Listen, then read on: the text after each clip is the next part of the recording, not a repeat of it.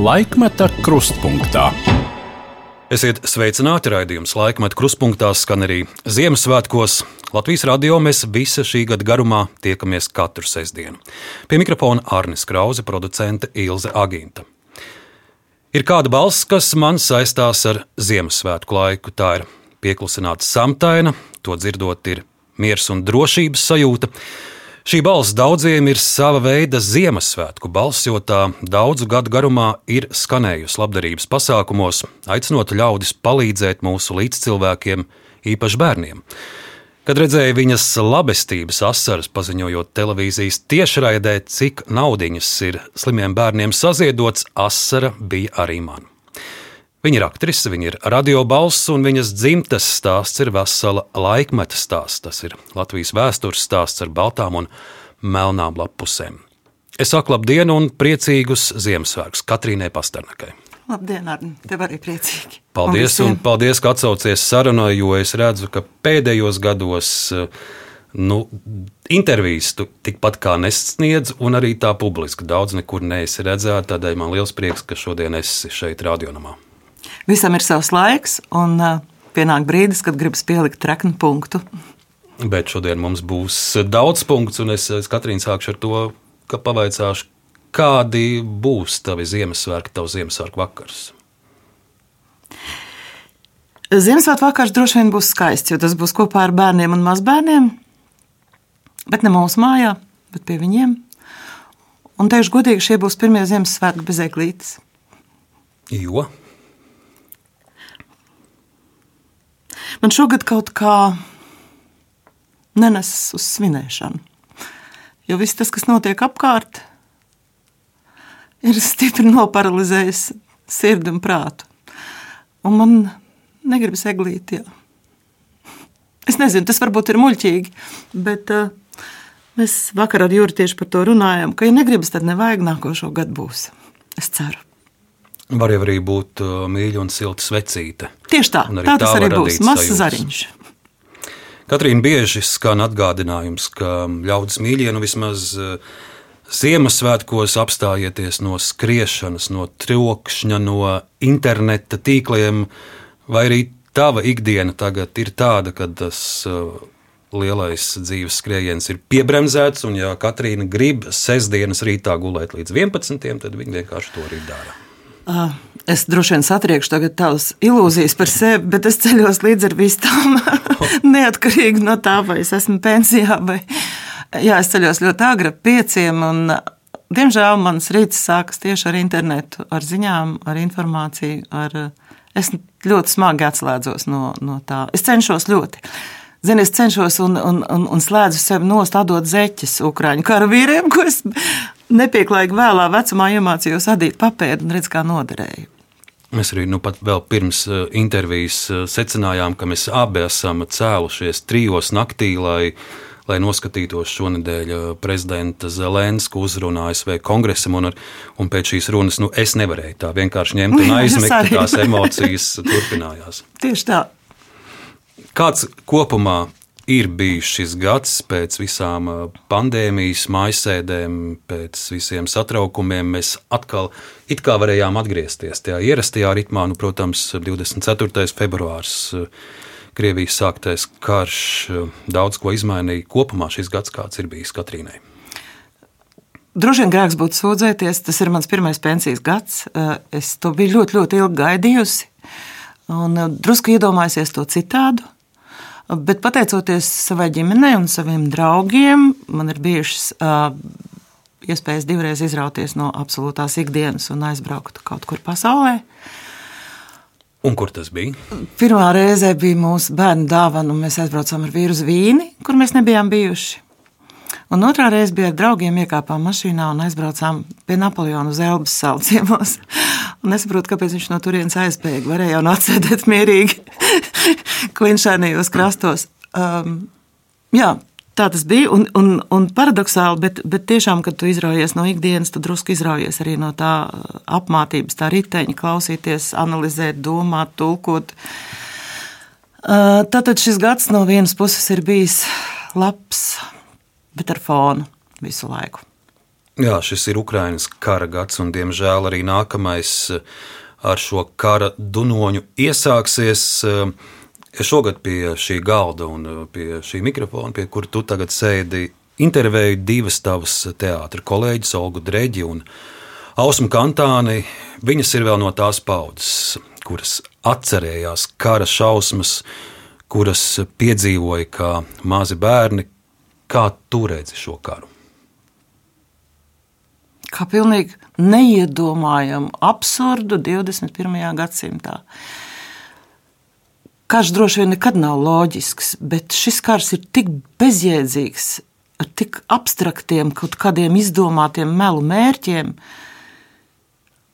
Un jo īpaši tāpēc tas ir tik aizvainojošs, ļauns un nekrietns. Es par kāru zināju no manas tēva stāstiem, jo viņš bija karā, un no mammas stāstiem, jo viņi izvilka to civilā cilvēka ceļu karā ar, ar visiem izsūtījumiem, un šausmām, un darba dienestiem un visu. Um, es ļoti cerēju, kaut gan es zināju to teicienu, ka katrai paudzei ir savs karš. Es ļoti cerēju, ka šis karš mūsu paudzi un mūsu bērnu un mazbērnu paudzes nepiemeklēs, bet redz, tā tas nav. Un es ļoti, ļoti iekšēji esmu pateicīga visiem tiem cilvēkiem, gan Latvijā, gan citur pasaulē, kuri saprot, ka tā nasta, kas ir jāiznes mums šobrīd, ir absolūts nieks, un bez čīkstēšanas to nes. Un man ir vienalga, cik maksās gāze. Es palikšu parādā, es samaksāšu. Bet eh, mutes ir jātur ciet. Mēs nedrīkstam čīkstēt par to. Nu tā.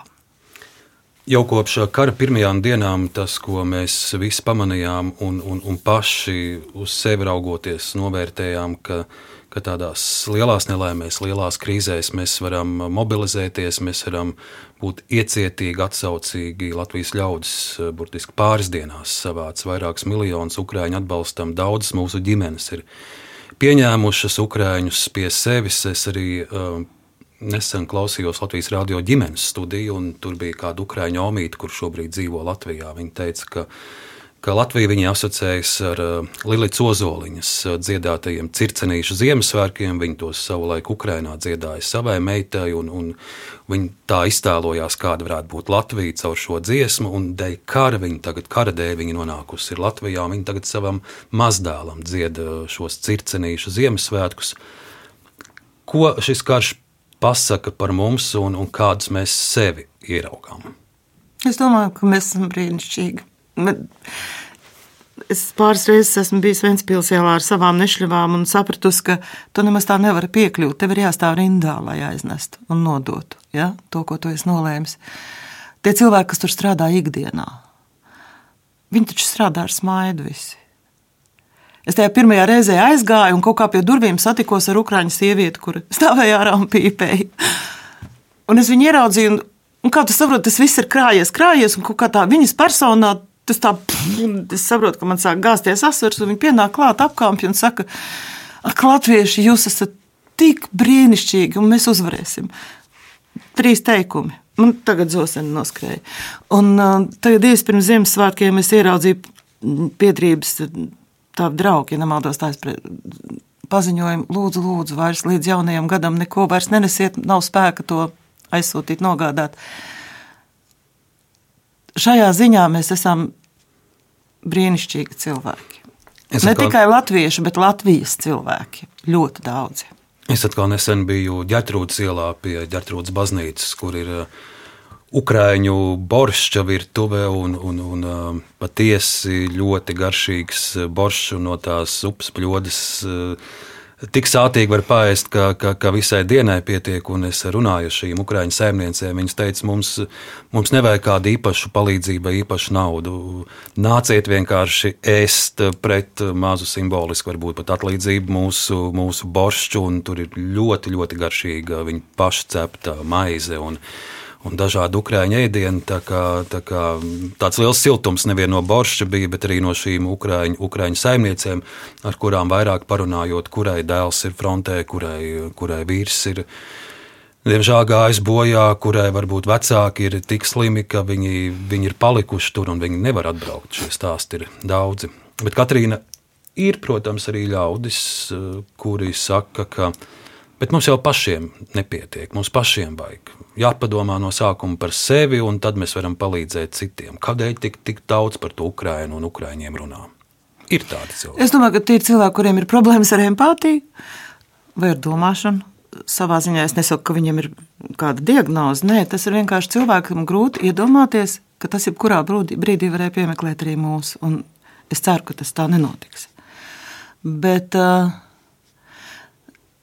es kaut kur dzirdēju tādu salīdzinājumu, ka priekāpšana liftā, ja? ka pieaugušajiem vispirms vajag iekāpt pašam un tad ievest liftā bērnu. Nu, es to tulkoju tā, ka varbūt ir vispirms jāpalīdz tam, kuram ir grūtāk. Tad, ja. Bet um, es nezinu, es īpaši daudz neesmu sastapusies ar tādiem cilvēkiem. Un tie, kas to dara politikas dēļ, tā ir viņa problēma. Politika nekad nav bijusi īpaši tīra vide. Nu, ja tu piemini politiku, šis bija saimnes vēlēšana gads, mums ir jauna valdība. Cik daudz tu seko politikai? Uh, Saimnes vēlēšanās piedalījies? Jā, jā. Es, es vienmēr esmu piedalījusies. Es uzskatu, ka tas, tas ir viens no ļoti, ļoti retajiem pienākumiem, kurš mums ir uzlikts, un, un, un to nepildīt ir vienkārši nekrietni pret savu valsti.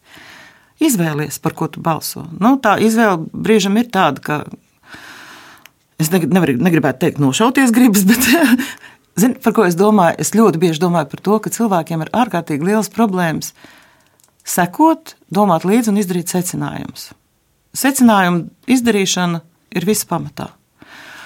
Un, ja mēs šo secinājumus neizdarām, tad mēs ievēlam tādas partijas, kādas mums ir bijušas saimā. Un ir. Es vienmēr esmu piedalījusies vēlēšanās, man ir skaidrs, kāda ir mana pozīcija. Es sekoju tam līdz šogad, varbūt drusku mazāk, kaut arī paradoxāli, ja tik ilgu valdības sastādīšanu. Es gluži vienkārši biju tiešām pārņemta ar vairāk ar Ukraiņas lietām, bet Es sapratu, ka valdība būs, ka viss notiks. Un, nu, ko no esam ievēlējuši un kā esam ievēlējuši, nu, tā arī dzīvosim. Par uh, sociālajiem tīkliem runājot, nu man ar tevi ir draudzība vienā no sociālajiem tīkliem, Instagram, un es vienmēr ar prieku izlasu un pat gaidu kādu tavu komentāru, vai būt, tas būtu kāda, mm, kāds stāsts par manu bildi vai, vai par interviju. Uh, cik tu pati esi aktīva sociālajos tīklos? Uh, Cik tu pievērsi uzmanību tam, ko ļaudis komentē ar prieku, tur vai ar naidu, vai izplata viltus ziņas, vai nu, tu cīnies ar viltus ziņām un puspatiesībām? Kāda nē. ir tava dzīve sociālajos tīklos? Es atzīšos un atvainošos visiem, kuri Facebookā gaida parādāmies manas pateicības vārdus par sveicieniem dzimšanas vai vārdu dienās. Es neesmu tur bijusi gadiem. Nu, man liekas, pusotru gadu noteikti nē. Ir, uh, man ir vakcīna manī ir četras covid vakcīnas un vakcīna pret sociālajiem tīkliem. Atzīšos, kāpēc. Man ar tādu vajadzētu. tur... Nu, tur ir tikai viena ārstniecības iespēja - nelasīt. Jo faktiski šī mana pazušana no visa ir tieši konkrēti saistīta ar to, ka manā dzīvē desmit gadu garumā bija tik daudz melu par mani un uh, manu rīcību, ka mani bērni jau uz mani bārās, jo es biju pilnīgi depresijas un aizvainojumu kamols, ar ko dzīvot nedrīkst. Par zakšanu, par, par nu, dievs, es pat negribu to atkārtot. Un pateicoties visam tam, es ilgi domāju, vai piekrist arī šai mūsu intervijai. Jo es kaut kā jau biju pieradusi pie tā, ka, paldies Dievam, es esmu aizmirsta. Bet vispirms es cieņas pret to, ko dari tu, un otrkārt, Varbūt, ka es pateikšu kaut ko, kas kādam noderēs Ziemassvētkos. Es nezinu. Es piekrītu atnākt, nokrāsot acis pa ilgiem laikiem un atnākt. Un paldies tev, protams, liels par to, Katrīna. Un, un kā nu aizmirst, jo, jo tu esi viena no, uh, ja tā var teikt, labdarības akciju krustmātēm Latvijā. Jāpiemina, protams, arī, ka vēl pirms LNT labestības dienas uh, bija daži citi īpaši raidījumi 90. gados Latvijas televīzijā.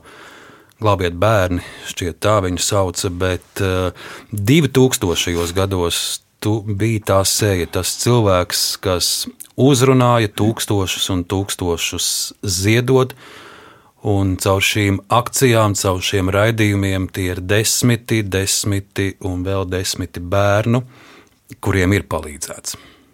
Jā, un uzreiz teikšu, tas nav mans nopelns. Šī ideja dzima LNT producentiem un vispirmām kārtām Andrejam Mēķim. Tas bija gadījums, ka es tur nokļuvu. Un vispār manā dzīvē ir ļoti daudz tādu. Es faktiski neesmu publisks cilvēks, un es nezinu, kāpēc. Es nezinu, kāpēc. Es vienmēr nonāku kaut kādā redzamā pozīcijā, kas absolūti nav mans mērķis, un tādēļ es baudu to, kā ir šobrīd. Bet uh, tie bija desmit gadi, gan pavasaros, gan Ziemassvētkos. Un es esmu ļoti, ļoti laimīga par to, ka ir palīdzēts bērniem. Es zinu, ka bija ļoti daudz runa par to, kādēļ vākt naudu, lai palīdzētu bērniem, kuri nekad nebūs veseli. Bet katram tas priekšstats par rezultātu ir dažāds. Vienam rezultāts ir uzvara Olimpiskajās spēlēs, un vienam rezultāts ir spēja ielikt karoti mutē pašam.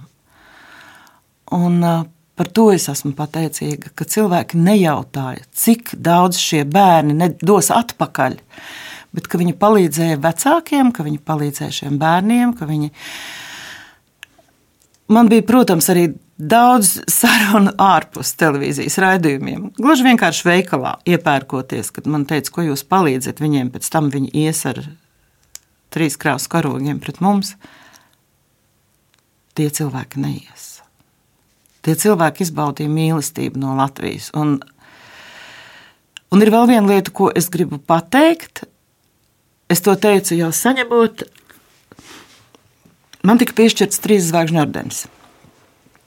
Un atzīšos tev, nekad es šo ordeni neesmu pie savas krūts piesprādusi, un arī to mazo zīmīti nē. Tādēļ, ka es joprojām uzskatu, un tāda būs mana vēlēšanās, ka šis ordenis kādreiz glabāsies Ziedot LV birojā. Tas ir visas Latvijas ordenis. Tas nav manējais, un es to nekad tā neesmu uztvērusi. Un tāpēc arī šobrīd runājot par to periodu, kas nebija viegls, jo kādreiz likās, ka tu visus vārdus esi pateicis. Nu, ka nav jau vairs ar ko uzrunāt cilvēkus. Un ka tu, tāpēc es arī pārtraucu šīs aktivitātes un lūdzu, lai man atbrīvo no šī pienākuma nevar ieļot ratus un rullēt pāri un cauri visam. Ja? Ir jābūt kaut kam jaunam, kaut kam īpašam, kā cilvēkus uzrunāt. Un eh, es esmu pateicīga par to, kas bija. Es esmu ļoti pateicīga par to, cik daudziem cilvēkiem ir palīdzēts. Un faktiski ar to es varbūt arī varu likt punktu šai tēmai. Un pateicīga visiem tiem, kas rakstīja tās sūdzības. Jūs man padarījāt stiprāku. Paldies! Labi, ka es par tām sūdzībām neko nezinu. Es tiešām neko neesmu pamanījis un lasījis. Bet, bet ļoti labi, ka tu pieminēji ļaudis, kas ziedo. Pēdējos gados es arī esmu šajās labdarības akcijās pie zvanu telefona. Arī, arī eņģeļa akcijā šogad, un tas mans vērojums ir, nu, es teikšu, 80% to ļaužu, kas, kas mani sazvanīja, tās bija Tie bija cilvēki gados, un jā. tās bija pārsvarā sievietes, kuras pašas teica, jā, man ir 70, man ir 80, man ir 90, bet, bet nu, jāpalīdz tiem bērniņiem. Un, un tas ir mans vērojums, ka lielākā daļa šo ziedotāju ir, ir seniori. Ārni, zini, kā? Un, un mazi bērni, kuriem māma vai tēvs iedod telefonu, bet tas vidusslānis var būt mazāk, bet vai nu mazi bērni, par ko ir prieks, vai nu sirmas māmuliņas. Zini, droši vien, ka tā līdz galam nav. Man ir jautājums, cik bieži tu esi piezvanījis, piemēram, uz kādu radio vai televīzijas raidījumu? Aktīvie cilvēki, kas aktīvi strādā un darbojas, ļoti bieži es, tad, kad vēl sekoju līdzi sociālajiem tīkliem, redzēju, ka jē, jā, tas ir jādara. Tie bija jauni cilvēki. Es domāju, ka jauniem cilvēkiem saziņas tradīcija ir cita. Un ir vēl viens moments. Vecākiem cilvēkiem ļoti bieži nav ar ko parunāt. Un tādēļ šis zvans, piezvanot pie viena, izdarot kaut ko labu un aprunājoties ar Arni vai jebkuru no tiem jaukajiem cilvēkiem, kas tur strādā tajā vakarā, tā ir īpaši, nu, tas ir bonus visam. Es domāju, ka ir daudz arī jaunu cilvēku, kas atbalsta. Katrīna, atceroties eh, šos desmit gadus un labestības dienu, kur tika aizvadīta tavā vadībā. Tas būs mūsu pirmais mazs arhīva ieskats. No viena labestības dienas pasākuma mēs dzirdēsim arī Putnu Baltu un Walteru Friedenbergu. Un būs arī viens mazs fragments, kur mēs dzirdēsim tevi, tavas emocijas, tava reakcija pēc tam, kad šī ziedošanas akcija ir noslēgusies. Viens no skaistākajiem bija tas moments, kad meitenīte, kurai pagājušajā gadā tika saziedots ortozītis, man par laukumu pa tādu lielu gabalu pavicināja un teica, es noliku pirmo eksāmenu. Viņa stāvēja uz savām kājām un gāja. Un par to jums visiem milzīgs paldies! Paskaties uz sevi pats, cik tu vari dot prieka tiem, kam nepietiek. Un cik daudz tu vari gūt. Tik no viena paldies tev. Krūtīs tev, kas dum, jo sirds ir kā tīrs, kas aizved mūs tur, kur fējas būt, tavu vēlēšanos. Kur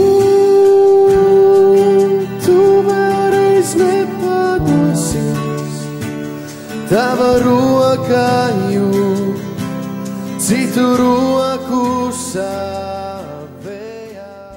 Nu, lūk, mazs ieskats, mazs fragments no labestības dienas noslēguma koncerta. Valters, kurš arī vairs nav mūsu vidū, Mēs dzirdējām arī, arī tavu šo, šo mazo stāstu par, par meitenīti, kur tu satiki, vai, vai, vai tev ir zināms, kādas ir, viņas tālākās gaitas? Viņa ir beigusi universitāti. Mēs satikāmies pēdējā akcijā, kur es vadīju.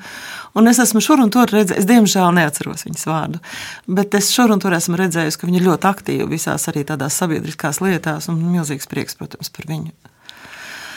Vadot šīs akcijas, es tev gribu vaicāt, jo man arī ir sava maza pieredze ar Latvijas lepnumu vadīšanu, un es zinu, kā tas ir būt uz tās skatuves, un ka tu mēģini tās emocijas savākt un savaldīt, bet ja tā asara tev plīst un nāk ārā, nu tu neko nevari darīt, un tas jau vienalga ir tur tās kameras vai nav. Un, Jo tie stāsti ir tādi, un viņi uzrunā, un viņi, viņi plēš, un, un, un viņi liek būt um, iejūtīgam un emocionālam. Un es atceros, ka es pirmo gadu vadīju Latvijas lepnumu, un Un tev bija jāpasniedz uh, Latvijas lepnuma balva vienam no desmit zelta abeles saņēmējiem, un brīdi, dažas sekundes pirms mums abiem jāiet uz skatuves, es skatos, ka tu, tu drebi, tu trīci, un tu saki, Arni, es esmu tā uztraukusies. Un es domāju, Katrīna, ar visu savu pieredzi, ka nu, to, to nevar aprakstīt, ko nozīmē šādos, šādās akcijās būt ļaužu priekšā. Zini, es tev atzīšos. Tas varbūt tagad kādam sagraus tās, tās ilūzijas. Tās bija parasti 12 stundu garas tiešraides. Nu, kā 10 no rīta sāktā līdz 10, 11 vakarā stabili tas gāja. Bet tur bija konkrēts mērķis un uzdevums. Tu zināji, kas tev ir jāpasaka, par ko tev ir jāpastāsta. Un uh, tas uzdevums un mērķis, kā lai to saka, tas dod tādu tā kā trešās kājas sajūtu. Tu par uztraukumu vairs nedomā. Tev ir jāizdara savs darbs tev ir jāpanāk rezultāts. Uh, ar tām asarām ir tā, un, un tad paz, pazūd uztraukums, tad, ja tev ir uzdevums konkrēts. Bet ar tām asarām ir tā, tas ir mans lielākais kauns, ka es neesmu spējusi savas asaras savaldīt. Un es zinu, ka ļoti daudz teica, oh, vairs nevaru skatīties uz tām viņas asarām. Nu, nekur jau ar tām asarām. Nu, tad, Es, piemēram, no bērnības man ir grūti sēdēt klasiskās mūzikas koncertos, jo man mūzika aizrauja tā, ka es mēdzu raudāt arī tur, tāpēc es ļoti maz cenšos iet uz koncertiem, lai ne, ne, neradītu nērtības sajūtu blakus sēdētājos. Nezinu, kas tas ir par mehānismu. Man Juris saka, ka, ir, ka tā ir bagāža no manas pagātnes, no maniem senčiem, no vis tā, kas ir bijis un pārdzīvots. Varbūt tā. Bet asars nav lepnums mans. Nē. Katrīna, tu piemini savus senčus.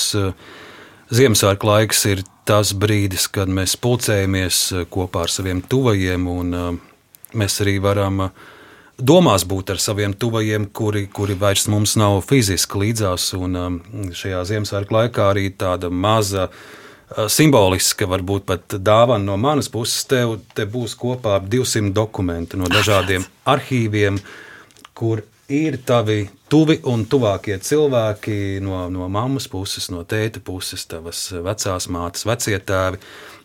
Es nezinu, cik, cik daudz uh, tev pašai mājās ir uh, teiksim, par uh, tavu tēti Jāzepu Pasternaku. Ļoti maz, man ir kādas dokumenti. trīs fotogrāfijas viņa. Nu, tad šeit būs krietni vairāk. Šeit ir tava tēta gan skolas laika liecības, Kas nav glaimojošs, cik es zinu. Kaut arī viņš Tu runā zini- sešās valodās. Jā, un arī latviešu valoda ir mācījies. Te ir viņa, viņa augstskolas uh, sekmes, arhitektūrā mācoties. Un, uh, un tu vari paskatīties, jā, un te ir Arni, tas ir, fotogrāfijas, varbūt, kuras tas pat ir pilnīgi neticami. Nākamā lapuse, tas taču ir tavs tētis, paskaties. Jā, protams. Tas ir skaisti līdz cukurgailīts, kā manā māte viņu sauc. Un, um, Ha, Dievs, Arni, tas ir neticami. Man patiešām nav. Jo tad, kad mans tēvs atgriezās no kara un aizgāja uz savu dzīvokli, kas nepiederēja viņiem, bet kur vecāki īrēja un kur viņi dzīvoja, viņam durvis atvēra uh, Krievijas virsnieka sieva, māmas halātā, un pasūtīja viņu tur, kur to kuģi sūta tagad. Un uh, mans paps bija lūdzis varbūt vismaz kādu fotografiju. un Viņš nedabūja neko. Nu, tur būs vairāks.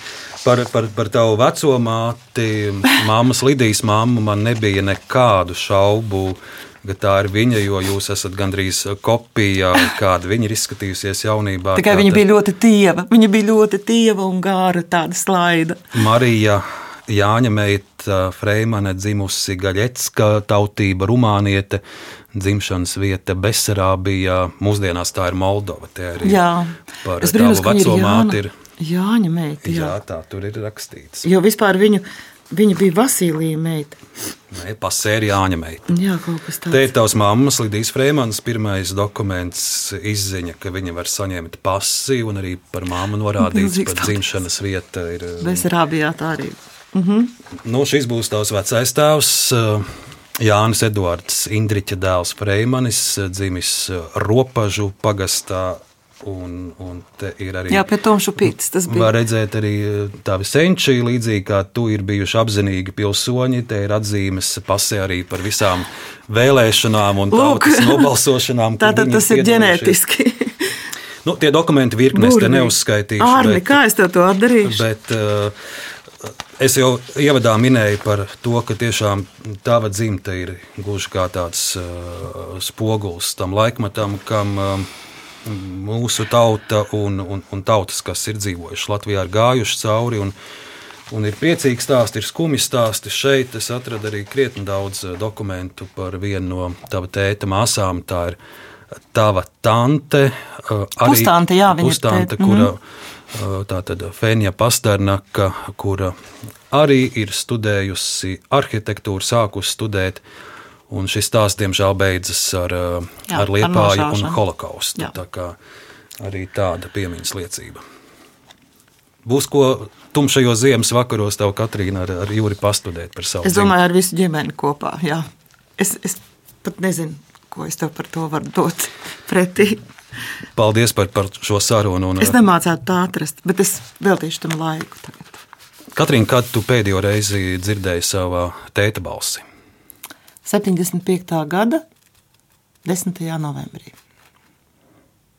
Ir pagājuši 47 gadi, un, uh, lai no arhīva ierakstiem skan uh, Jāzepa Pasternaka tava tēta balss. 1944. gada 17.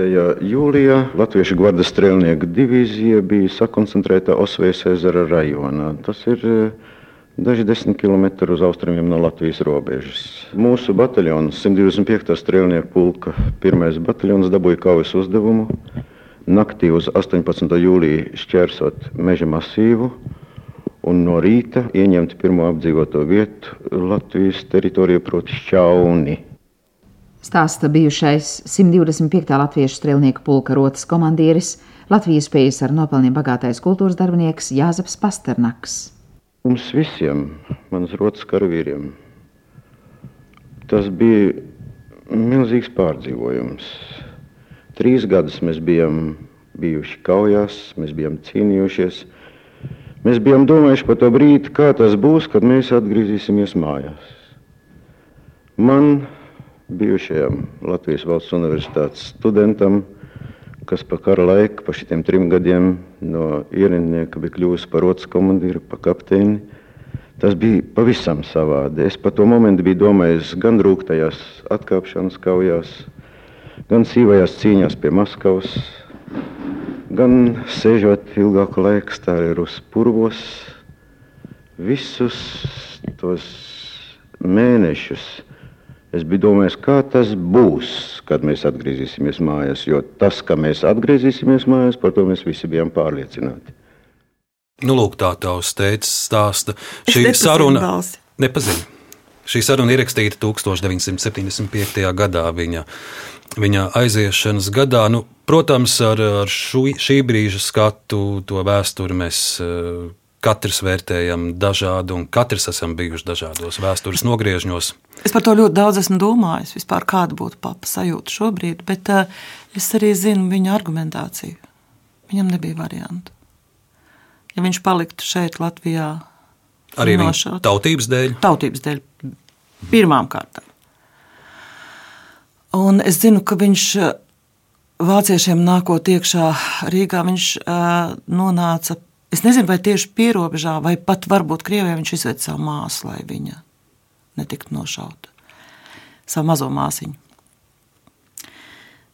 Es bieži par to domāju. Ļoti bieži. Nu, tas ir tā ir fronte tēva pagalmā. Tas ir tas. Es atceros, kā paps stāstīja par kurzem, par kurzemes katlu, piemēram. Ļoti nedaudz, bet stāstīja. Šķiet, mēs reāli sapratām, ka mēs šaujam uz saviem. Un ko? Vai jau briesmīgi nolādētie politiķi, nolādēti. Es kādreiz domāju, zini, jaukais vīrs Atenbaro, kas taisa dokumentālās filmas par dabu. Viņam ir viens tāds labs paņēmiens, kad kamera tā uzšaujas gaisā, un tu pēkšņi ieraugi milzīgu teritoriju, kur tiek filmēti kaut kādi konkrēti sižeti. Un tad tu ieraugi, cik ārkārtīgi daudz teritorijas pasaulē ir brīvas. Kādam pietrūkst zeme šobrīd? Nolādētie politiķi. Tie, kas bīda cilvēkus kā šāda kauliņus. Jā. Tēvu tu zaudēji vēl esot 11. klasē, ja mācoties. Jā, un pēdējais viņa vārds, ko es dzirdēju, tas bija pilnīgi citā balsī, bija palīgā tad, kad šī traģēdija, traģēdija notika, jā, tā notika mūsu kāpnē, tu biji mājās. Tad. Es biju mājās, jā, mamma bija mājās. Man liekas, ka māsa arī bija mājās. Mēs centāmies viņu sazvanīt, jo mēs sapratām, nu, es nezināju sīkumos tajā brīdī. Es vienkārši redzēju, cik mamma ir uztraukusies. Un mēs centāmies viņu sazvanīt darbā, bet tas jau bija par vēlu. Un, un puisēns ar nāzi viņu sagaidīja mūsu kāpnēs.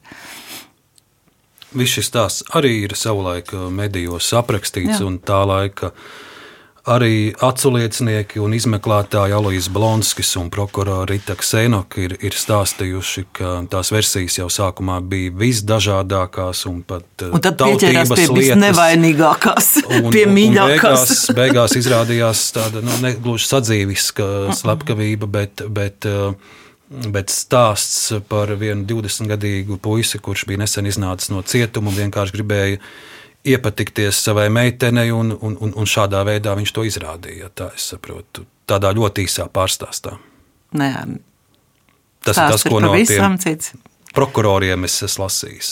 Jā, nu tas bija laiks, kurā nevarēja aiziet droši vien līdz pašam tālākam risinājumam. Mans tēvs atrada savu parakstu uz dokumentiem par ļoti lielām naudas summām mākslas kombinātā. Aha. un pieķērās šiem cilvēkiem. Un tad jau viss aizgāja pa ķēdi. Tā kā, tā kā tas tika noformēts atmiņās, kā mēs zinām, vēsture ir ļoti. Bet es negribu par to vairs runāt. Un nevajag arī, bet mēs turpināsim Jā. ar atmiņām. Un 1992. gadā šeit Latvijas radionamā tu esi ierunājusi savas mammas Lidijas Freimanas atmiņas. 92. gads ir gads, kad tavu mammu arī aiziet un paklausīsimies uh, mazu fragment. Šo stāstu nosaukums ir Es stāstu saviem bērniem un mazbērniem. Un es izvēlējos arī vienu mazu fragment, kur tava mamma stāsta par iepazīšanās brīdi ar tavu tēti Jāzepu Pasternaku. Paklausīsimies! Jāzeps Pasternaks ir spēlējis milzīgu lomu gan manā personiskajā, gan darba dzīvē. Bet sākās tas viss gaužām dīvaini. Bija man kāda paziņa, kura ļoti uztraucās par to, ka es visu laiku dzīvoju viena. Un reiz šī paziņa saka, ko tu lidīt dzīvo kā tāda veca meita. Es jau Pasternakam, tam filharmonijas direktora vietniekam, arī teicu, ko viņš dzīvo viens. Saka, es tev ieskapēšu sievu, kas ir Staļina prēmijas laureāta, laba aktrise un brīnumjauka māte savai meitiņai. Tev ir jāprec Lidija Freimana. Pasternaks viņu bija aizsūtījis pie vēlna ar visu Lidiju Freimanu. Man vajadzīga sieva, kas būtu Pasternaka. Es nevēlos būt Freimans vīrs, viņš atcirts. Es kļuvu dusmīga, kāpēc man piedāvā kā vecs preces, taču nevienam to nebija lūgus darīt. Turklāt es jutos tik labi, tik mierīgi un neko negribēju mainīt savā dzīvē. Kādu dienu aizgāju ciemos pie krauliņiem. Ar literatūru kritiķu Kāļa Krauliņa sievu es draudzējos, un viņa man bija ielūgusi uz zosi. Tas bija tieši 18. novembrī 1955. gadā. Pēkšņi lepnā mājasmāte Lienīte paskatās pulkstenī un paziņo, tūlīt ieradīsies vēl viens viesis. Kārlim ir ļoti labs draugs Pasternaks. Es pielicu kājās kā zelta, atvados un eju projām. Taču Lienīte ar Kārli man aizkavēja, un tad jau bija par vēlu bēgt. Jāzeps Pasternaks bija klāt. Mēs iepazināmies, ļoti patīkams cilvēks, un notika tā, ka pēc pāris nedēļām, 5. decembrī, mēs apprecējāmies. Uz viņu bildinājumu es atbildēju, es esmu dzīvē vīlusies un neticu vairs nevienam cilvēkam. Es jums piedāvāju draudzību bez nekādas precēšanās. Vai nu jūs būsiet mana sieva, vai arī mēs nebūsim nekas. Nu, šāds fragments tavas mammas, Lidijas Freimans atmiņas tavā balsī. Drīz es izstāstīšu viņu pirmo satikšanos. Patiesībā pirmo, kas atklājās tādēļ, ka man ļoti gribējās nolaizīt ziemā čugunu rokturi durvīm. Es nolādzīju čugunu, čugunu rokturu un piesalu. Norāvu mēlu no tās, skrēju augšā pie māmas un papa, žēloties. Un māma, kur, protams, bija tāda stingra un teica, cik reizes bija, nebija teikts, ka to nevajag darīt. Un paps, kurš gandrīz laidās gar stenderi, tas varenais karotājs, un teica, es to visu mūžu atcerēšos, bērniņ, bērniņ, tas ir tik sāpīgi. Es vienreiz Tērbats ielā, ne, Barona ielā piesalu pie konditorejas tā rokturīša, kas iet gar konditorijas logu. Tā brīdī manā māma paskatījās uz viņu un teica, cik tev bija gadu? Apsaka, es nezinu, nu gadi četri varbūt. Viņa saka, un tev bija tāds brūns kažociņš ar bumbiņām. Tas bija ulmaņa laiks. Tas bija ulmaņa laiks, jā. Mana māma saka, Paps saka, jā, man bija tāds kažociņš, vēl cepuri. Viņa saka, bet tad es tevi pirmo reizi redzēju tur. Mm. Jo viņa atcerējās to, ka viens puisītis tajā konditorijā bija piesaucis ar mēli. Tālāk, tā tad man kādreiz bija tāda ideja uztaisīt filmu par to, kā viņi satikās, tad izšķīrās un tad atkal satikās. Neuztaisīšu nekad. Lai šodien Ziemassvētkos uh, skan arī tavs mammas balss, tas būs fragments no, no viena dialoga, kur mēs dzirdēsim Lidiju Freimanu kopā arī ar izcilo Kārlu Sebri. Paklausīsimies!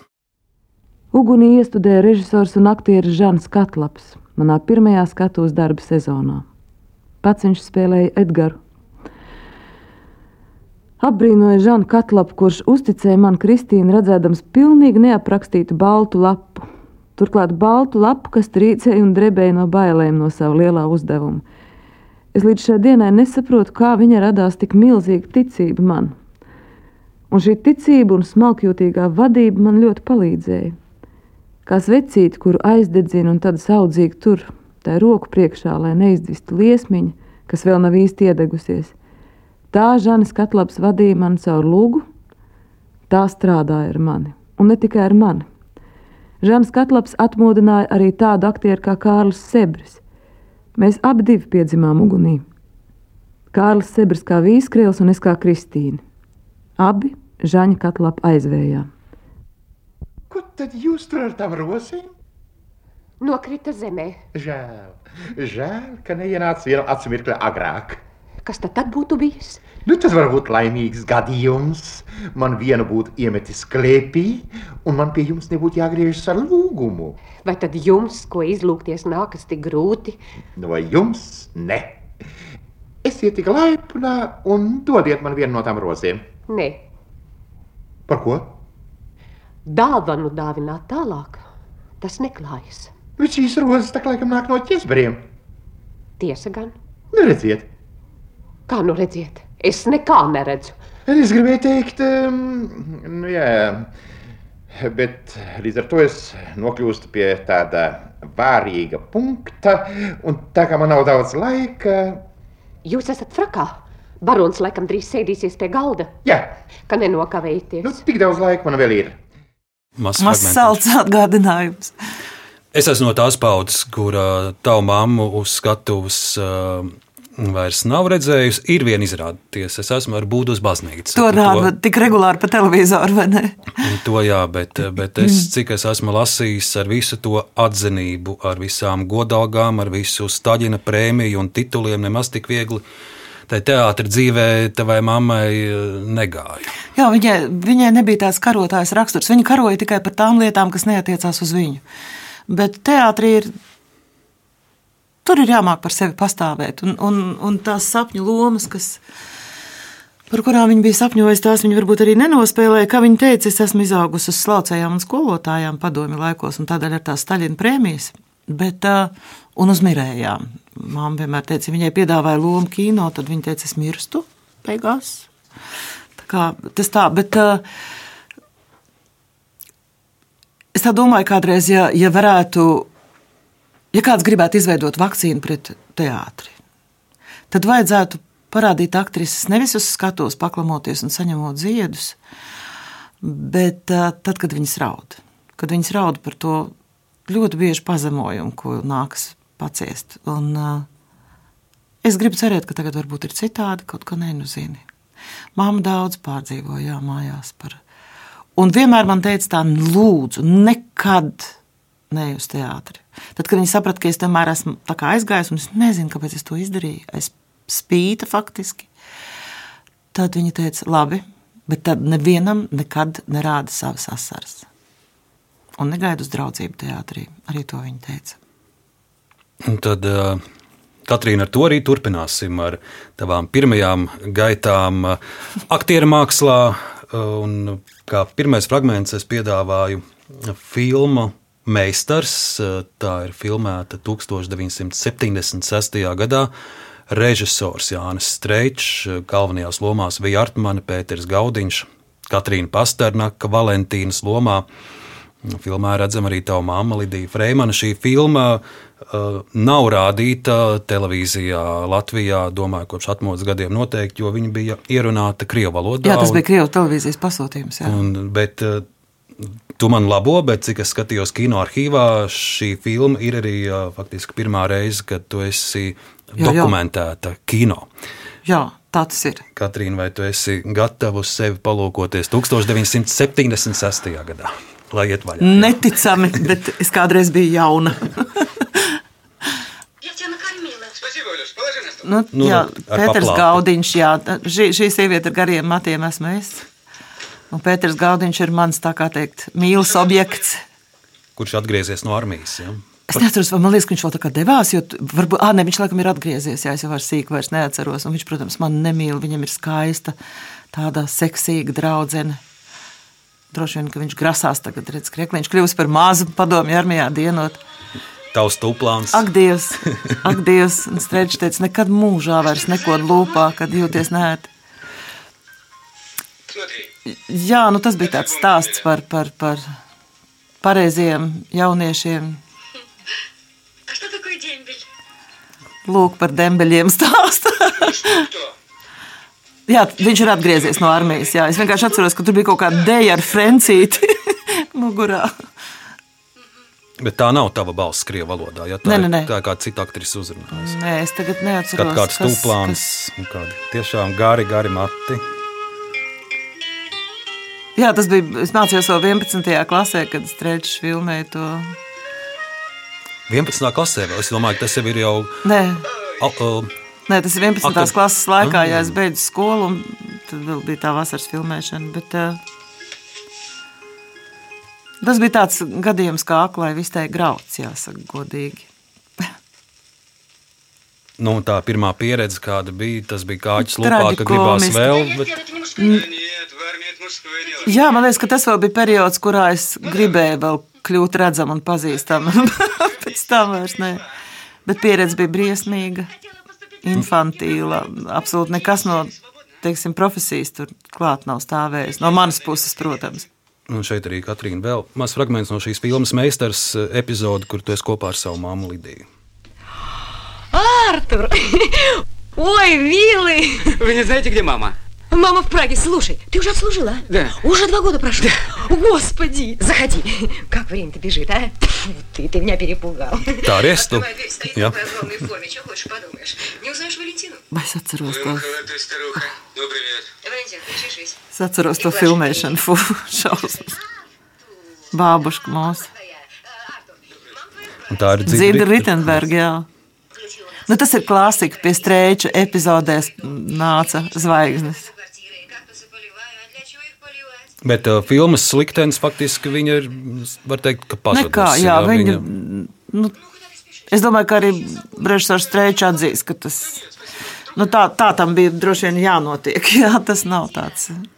Bet uh, tad, kad šo filmu rādīja, uh, bija tā sajūta, nu, ka, ka ir atpazīstamība, kāds ir mani redzējis, kāds bija tās pirmās. Uh, Jā, protams, bija tādēļ, ka tas bija Krievijas laikos, bija viena televīzija Latvijā, viena Krievijā, ko visi skatījās, un kad to filmu parādīja, protams, visi to bija redzējuši. Un, un es tajā laikā biju beigusi vidusskolu, kad filma bija gatava, un, un tajā gadā nebija uzņemšana teātris fakultātē, un es strādāju mākslas grāmatā par pārdevēju. Un tad es atceros, ka nāca cilvēki skatīties, kāda tad tā pārdevēja. Bet, jā, tā tāda, tāda medus maizīte 17, 18 gadu vecumā, un tas arī viss tā kino. Par to kino turpinot, es skatos, ka tieši 77. tālāk, 78. 79. gads ir virkne filmu, kur tu piedalies kino Epizodē. probēs arī, Ā, jā, un probēs, epizodēs. Te ir piemēram jā, 78. gadā režisora Rolanda Kalniņa filma Vīru spēles brīvā dabā. Uh, Tu esi mājas lomā tur. uh, Tur man paredzēta, jā, bet, atkal, bet atkal tur bija cita aktrise. Un es skatos, vēl ir arī tāda filma, Pavasara ceļa zīme, Vāris Brasla, Aresi bijusi provēs. Mm, Un, un, Protams, ir bijušas diezgan daudz un, un ļoti neveiksmīgas. Jo pirm, es. Pirmajos gados tie piedāvājumi bija daudz, vai, vai bija daudz, daudz, jā, bija katrā ziņā daudz vairāk, protams, nekā vēlāk, bet, eh, bet es neesmu tāda kinoaktrise, kinoaktrise galīgi. Ne, un, un, un vispār, lai pieliktu varbūt punktu aktrises tēmai, tā nebija mana vieta. Tā ir tiesa, ka tā pirmā interese bija par veterinārā tā. darbu. Un es, ļoti, es joprojām pārdzīvoju to, ka es, to, ne- es ļoti gribēju studēt veterināriju. Un, un, un, uh, tas iemesls, kādēļ es to neizdarīju, faktiski bija divi ma mazi iemesli, kur abi izveidoja aplamu likteni. E, Viens bija tas, ka man gribējās pierādīt, ka es varu iestāties kinoaktieru studijā, jo Esmeralda Dārmāla un Gaudiņš to izdarīja. Un otra lieta bija, ka mans mammas draudzene bija Lilija Zena, kuras vīrs bija pasniedzējis veterinārijas fakultātē, un kurš teica, tu mīļā sirds ar saviem nerviem cauri lopkautos praksē neiziesi, kas bija obligāta veterinārijas studentiem. Un es kaut kā ļoti paklausīju un, un izdarīju gluži aplamus lēmumus. Nu, par veterināru ārstu nekļūst, bet, piemēram, 1978. gadā jau filmējies patiesi leģendārā Jāņa Streiča filmā Teātris, kur tu esi Lēdija Denorante. Maza, maza epizodīta, bet, bet arī šāds fakts. Nu, jā, nu tā, tā tāda. Kā lai tu saki, tad porcelāna vāze tur nolikt tik pa brīdim parādās. Tas tāds. Par pirmajiem soļiem uh, teātrī būs nākamais fragments, ko mēs katrīm kopā noskatīsimies. Tas ir kinožurnāls Māksla 1981. gads. Režisore Laima Žurgina. Šeit mēs redzam Raiņa Latvijas PSR valsts akadēmiskā dailes teātra jaunās ēkas atklāšanu. Mēs redzēsim režisoru Arnoldu Liniņu, un viņš tur runās par jaunajiem aktieriem, un dažus no jaunajiem aktieriem, ieskaitot Katrīnu Pastarnāku, mēs arī redzēsim. Mazs fragments.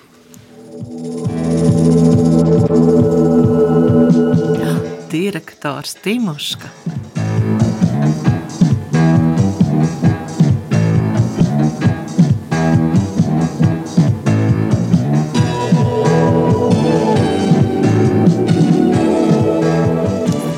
Juris Strunke nāk pa durvīm. Kas par spūci pirms tam paņēma atslēgu? Nu, tā nav Katrīna. Jā. Viņi pārkāpja jaunā nama slieksni. Nec šajās jaunajās sejās, nec šajā jaunajā apdzīvojamā platībā uzreiz nav nolasāms, ka Raina Dailes teātris nu pat jau pārkāpis savas 60 gadus slieksni. Kas maiņa maiņās paliek nemainīgs? Spērmaiņa brīnišķīgas. ir. Šīs mainības virziens ir galvenā režisora, Republikas tautas skatuves mākslinieka Arnolda Liniņa rokās. Ar vienu man no, no pašas bērnības ir kaut kā valdzinājis Dailas teātris. Bez šaubām es nācu ar savu programmu eh, ievest Dailas teātrī jaunu aktieru paudzi. Tātad visus savus spēkus veltīt rūpēm par teātra nākotni, vairāk nekā par teātra šodienu. Jo, kad es ienācu teātrī, tad eh, jaunākajam aktierim, neskaitot 4. studiju, to laiku bija Vētri. Jā, Mārcis Zvaigznes viņam blakus sēdēja. Nu, tāds arī ieskats uh, atmiņā uzēst. Tas ir Jāzepa mēģinājums. Es skatījos, ka Blūmbergs stelē savu fantastisko dekorāciju tur.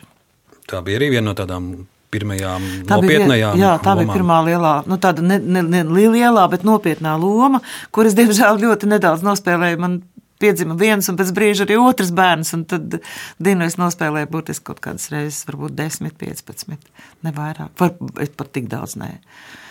Jā, tas bija tāds periods.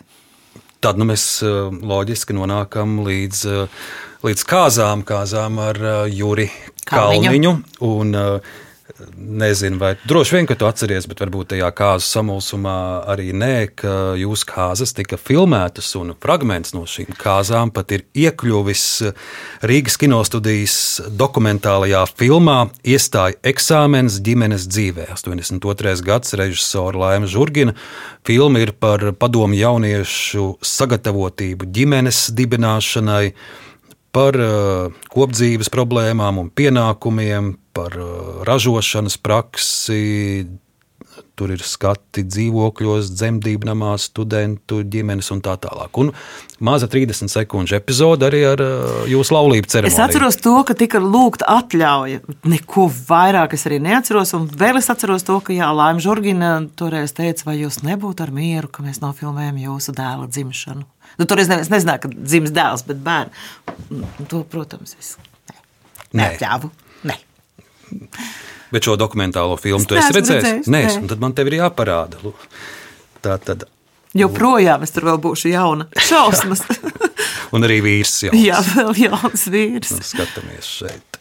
Kur notika laulību ceremonija? Alnā ielā. Bedēji, mēs pat vēl nesmējamies. Bedēji nav Kārina Pētersona. Karina un Raimons, jā. Man liekas, ka mēs abi vai Mamma. Fremni draudu.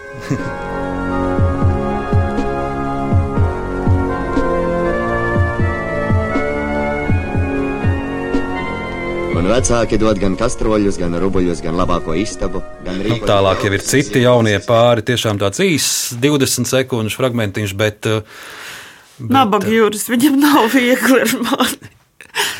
un no, no kura gada jau kopā No vienā solī? 81.. No 81. Un Katrīna ir vēl viens uh, fragments, uh, tas jau ir no jaunākiem laikiem. uh, 2015. gads top seriāls Māja pie ezera.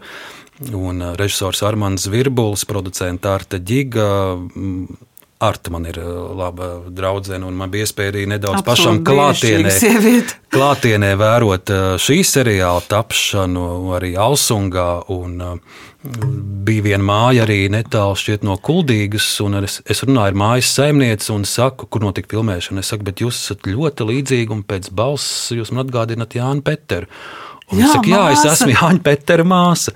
Un tā ir māja, kur, kur, kur, Kur mēs filmējām, Kur, jā. kur jūs filmējāties. Un, um, cik es saprotu, šis darbs uh, seriālā tā, tāda, pēc tāda ilgāka pārtraukuma bija tava atgriešanās uh, aktrises darbā. Un, uh, vai, vai bija viegli pieņemt šo piedāvājumu, filmēties, un, un kādēļ tu piekriti? Es varbūt sākšu no otras puses. Lai man piedod visi, visi iepriekšējie režisori, kas manā dzīvē ir bijuši.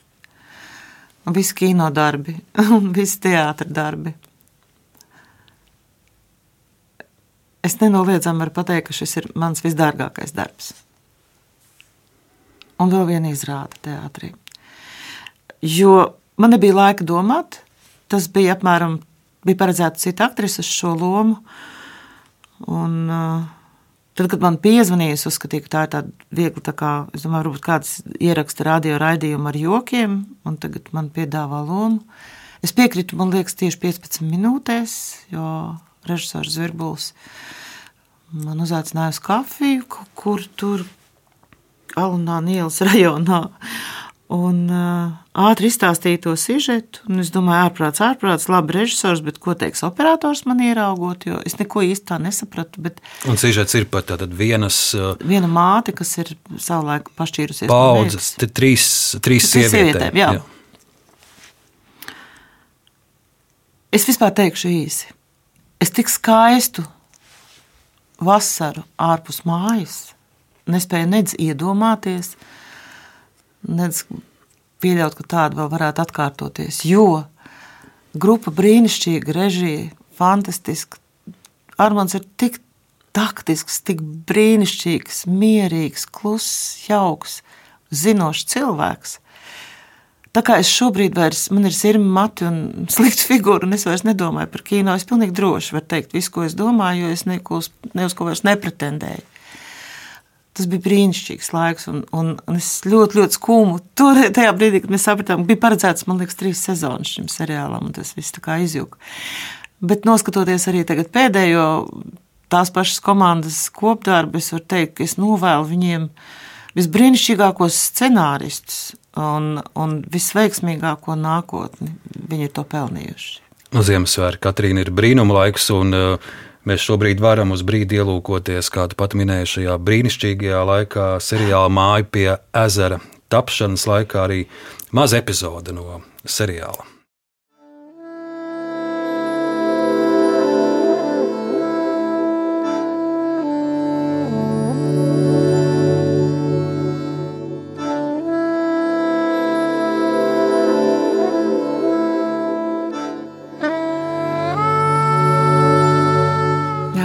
Man nepatīk būt prom no mājām, bet tur es braucu ar prieku. Skaisti.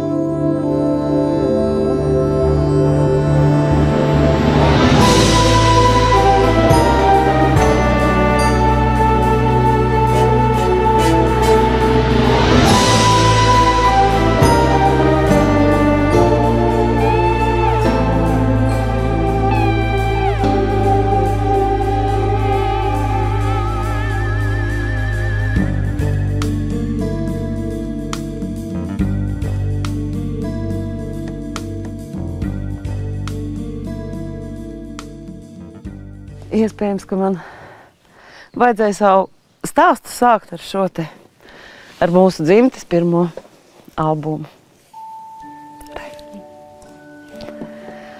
Tā ir mūsu māja 19. gadā. Tik liela? Jā, tā nodega kara laikā. Re. Un šī te ir tava vecvecmāmiņa Jadviga. Un šeit mēs uh, Katrīnu redzam uh, tavas kolēģis aktrises. Burvīgās meitenes, Ines Kučīnska un Sandra Kļaviņa. Mamma. Mūsu mamma Lūcija, viņas bija stipras sievietes. Es glabāju šo māju un zemi savā sirdī. Es arī cenšos. Mēs. Cenšos. Jā, kačī mēs. Un, zin, kad es atbraucu pēc viss, kas ar mani bija noticis, un, un iegāju savā istabā, kur apcīt nekas nebija mainījies. Māma teica, šī ir tava vieta, tava māja, tava istaba. Un tev jāatcerās, ka tā vienmēr tev gaida atpakaļ. Tāpat kā tev madara.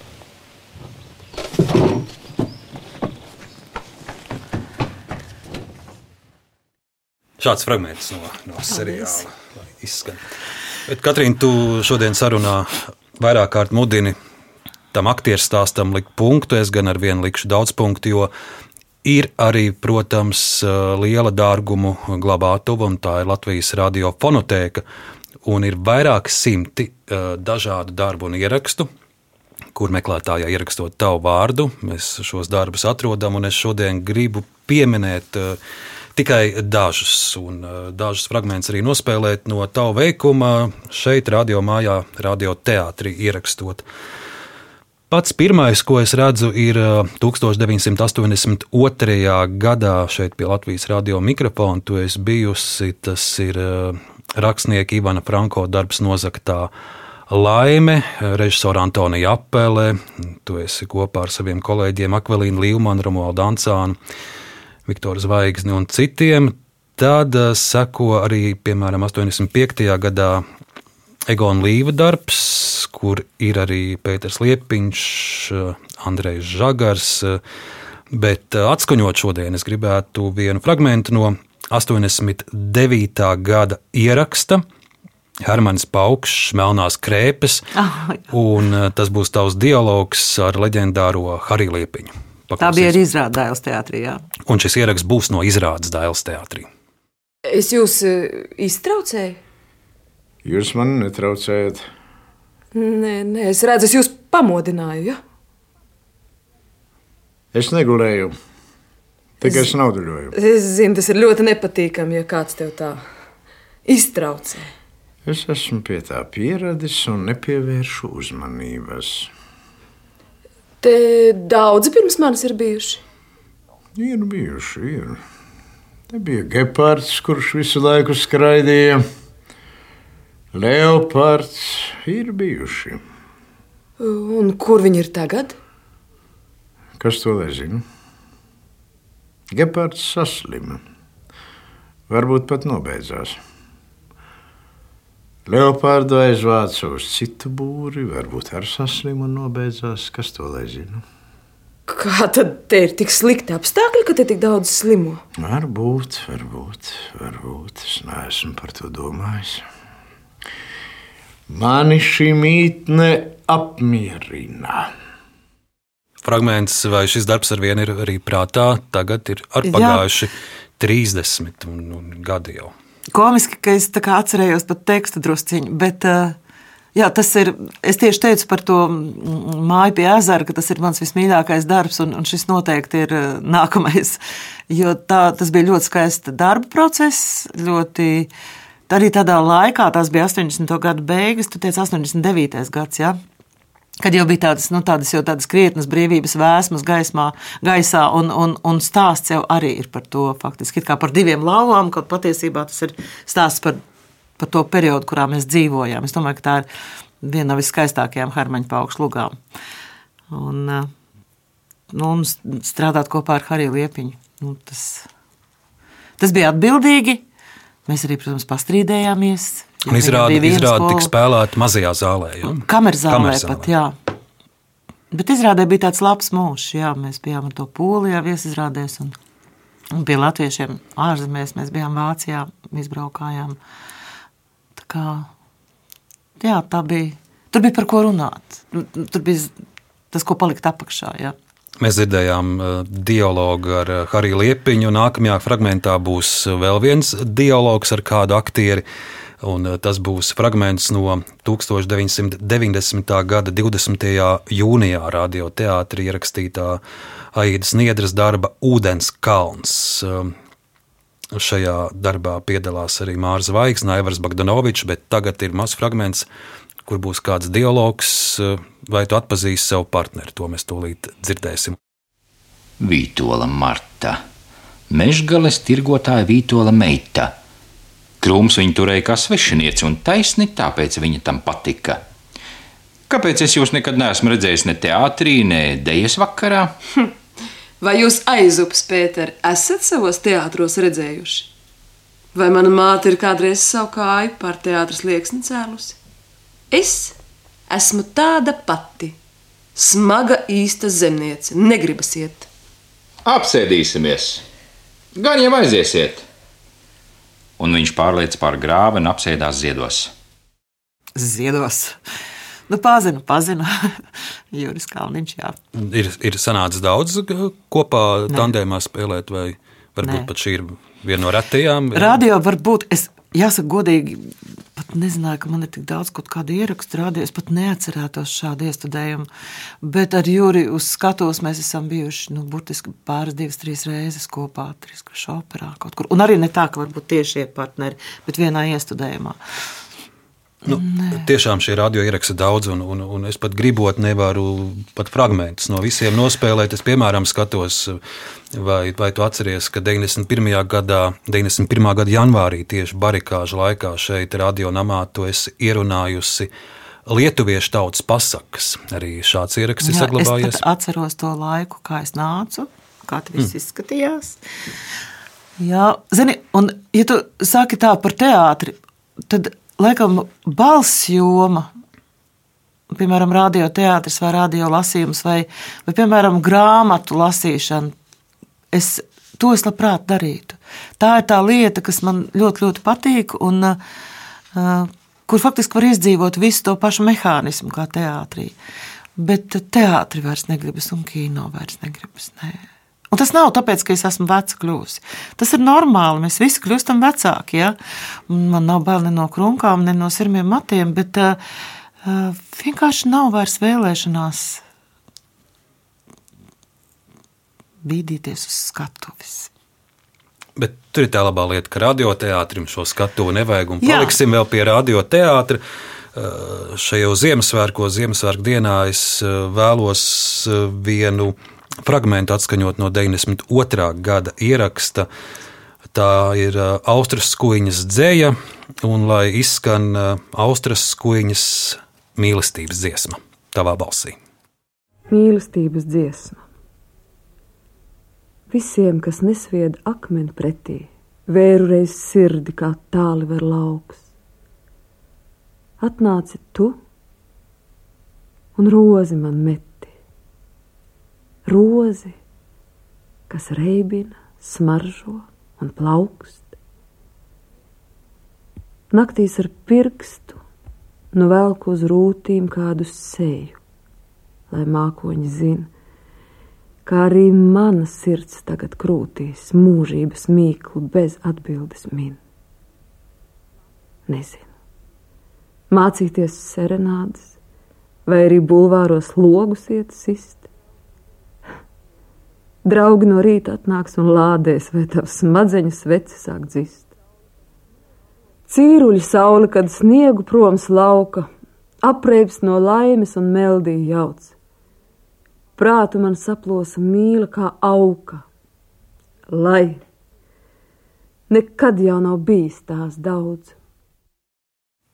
Klausoties tavu balsu, Austrijas skoņas dzēju, man, man fonā tā kā dungo arī Mestro Raimonda Mūzika. Paula mūzika, un uh, šie dzikrīts Muktu Pāvels uh, dzied arī, uh, arī šo dziesmu. Jā. Katrīna, man ir jāpiemina Rēmons Pauls, jo viņš bija uh, mūsu pats pirmais viesis raidījumā Laikmetu kruspunktā janvāra sākumā, un faktiski tāds aplis noslēdzās arī ar tevi, un, un Mestro ir vārda tiešā nozīmē tev tūs cilvēks arī, jo jūs uh, fiziski esat kaimiņi Baltazarā, un faktiski tu jau Mestro laikam no, no, no, no, No mazām bērnu dienām esi redzējis. Jā, es, es ļoti labi atceros. Man šķiet, man varēja būt gadi, trīs vai četri. Ā, Man vecāki īrēja mm, dzīvokli pārdāvā Ziepniekānā, un tam dzīvoklim bija vienā istabā tāds garš, garš lokus. Un tas logi, logi bija vaļā, tas bija laikam pavasaris vai vasaras vakars, es nezinu, un Palkungs toreiz vēl jaunēklis sēdēja pie klavierēm un spēlēja parodiju par klasiku, manuprāt, par Bahu. Nu, es neatceros precīzi, bet viņš parodēja to uz klavierēm. Tas bija mazu bērnu noturēt pie klavierēm. Tas, manuprāt, ir sarežģīti. Es, es, es vienkārši atceros, cik tas bija skaisti. Un šad un tad mūsu mājā uzspēlēja. Jā, mēs esam kaimiņi, joprojām. Protams, ka dzīve. Um, mēs visi kļūstam vecāki. Un, un tā, tas, tā komunikācija ir citāda. Kā tajā laikā, kad es strādāju teātrī, es zinu, ka man kādreiz Hāris Panovskis teica, paklausies, nu, ja man būtu kaimiņos ārprāts jau sen būtu koncerta programma, kas tu nevar viņam paprasīt, lai viņš to kaut ko uzraksta. Mm, Bet to nekad... ļoti, ļoti gaidījusi un, un cerējusi, ka būs kāda loma meža gulbjos. Tā, tā es ļoti, tiesa. ļoti gribēju, un es biju uz konkursu. Es oh. izgāju konkursu divas kārtas. Tas tiku... nebija pa blatu. Ja. Galīgi ne, kaut, protams, runāja. Nu, Pāvils to viņai ir uzrakstījis. Jā, nu, tā teātrī runā. Bet, bet ko visu nerunā? Nē, ne, nebija man nerakstījis, nezināja, kā es īsti dziedu. Bet uh, tas ir tāda, tā ir tāda pagodinoša kaimiņu būšana. Jā. Redzēt, kā Falkungs nekad nesēž mierā. Un es kaut kur dzirdēju vienu tavu stāstu, ka tu uh, no kaimiņa mājas pat varot uh, nojaust maistro ir kādā garastāvoklī. Jā. Pēc tā, kādu mūziku viņš spēlēja. Jā, viņš no rīta kādreiz, tas kādreiz tā, ka viņš bija vecajā mājā, tad mēs tik labi nedzirdējām, bet tā jaunās mājas durvis ir vaļā, tad tā kā pa to pļaviņu tā nesās tā skaņa, un tad var saprast, vai ir līrisks noskaņojums, jeb ir tāds, nu, tāds karēvīgāks, jā. Un arī šodien, nākot uz, uz studiju, uz mūsu raidījumu, es saprotu, maistro, tu satiki. Kādā, Pirmais cilvēks, ko es satiku, bija Palkungs. Jā. Kādā noskaņojumā viņš bija šodien? Viņš skatījās, sažmīdus uz mani, teica, tu labi izskaties. Es teicu, ka es nokrāsoju acis cerībā viņu satikt no rīta. Bet, uh, labā noskaņojumā. Bet viņš arī esot eh, bērnībā ar taviem vecākiem, ar kuriem Jā, viņi, bija viņi draudzējās. Ka, ka viņš teica, ka tā meitene labi izskatās, viņai, viņai jāiet būs eh, mākslās. Nē, viņš teica citādi. Viņš manai mammai bija teicis, viņa būs smuka, tikai rūpēties par to, lai viņa būtu arī gudra. Tāda bija viņa vārda. Tāda bija viņa vārda par mākslām. Nē. Viņš tikai teica, ka tie, kas aiziet uz mākslām, nekad nevar no turienes aiziet. Es pierādīju pretējo. Bet tas nebija tāpēc, ka es gribēju ko īpaši pierādīt Palkungam, bet man vienkārši tā gribējās. Jā. Vēlēsim uh, veselību un, jā. un labas domas. Uh, Maestro Raimondam Paulam un arī visiem mūsu klausītājiem es uh, Katrīna saku lielu paldies, ka šajā Ziemassvētku dienā tu tomēr, lai arī, lai arī domāji nākt vai nenākt, bet atnāci uz sarunu šeit Latvijas radio. Paldies, ka dalījies ar, ar savām sajūtām, ar saviem stāstiem. Jā, arī ļoti personiskiem, emocionāliem. Man bija patiesi interesanti šīs stundas garumā ar tevi runāt. Un es gribu tev pateikt paldies par šo sainīti. Es gribu tev pateikt paldies, ka tu uzaicināji un neizdarīji nekādu spiedienu. Un vēl es gribēju pateikt paldies par to, ko tu vispār dari ar šiem raidījumiem, jo tie ir tik interesanti. Ir īpaši tad, ja daudz no tiem cilvēkiem zini, un pēkšņi tu viņus izdzirdi citādus. Tā ir tāda vērtība.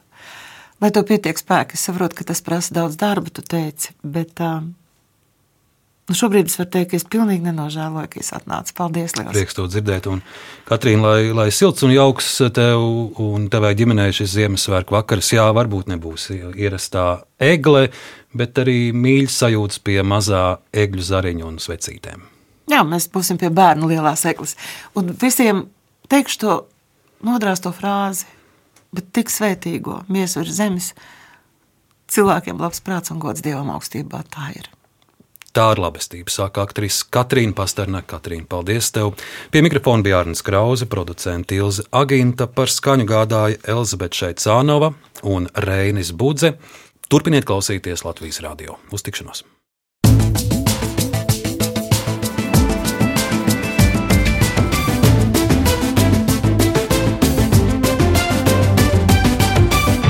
Laikmeta krustpunktā.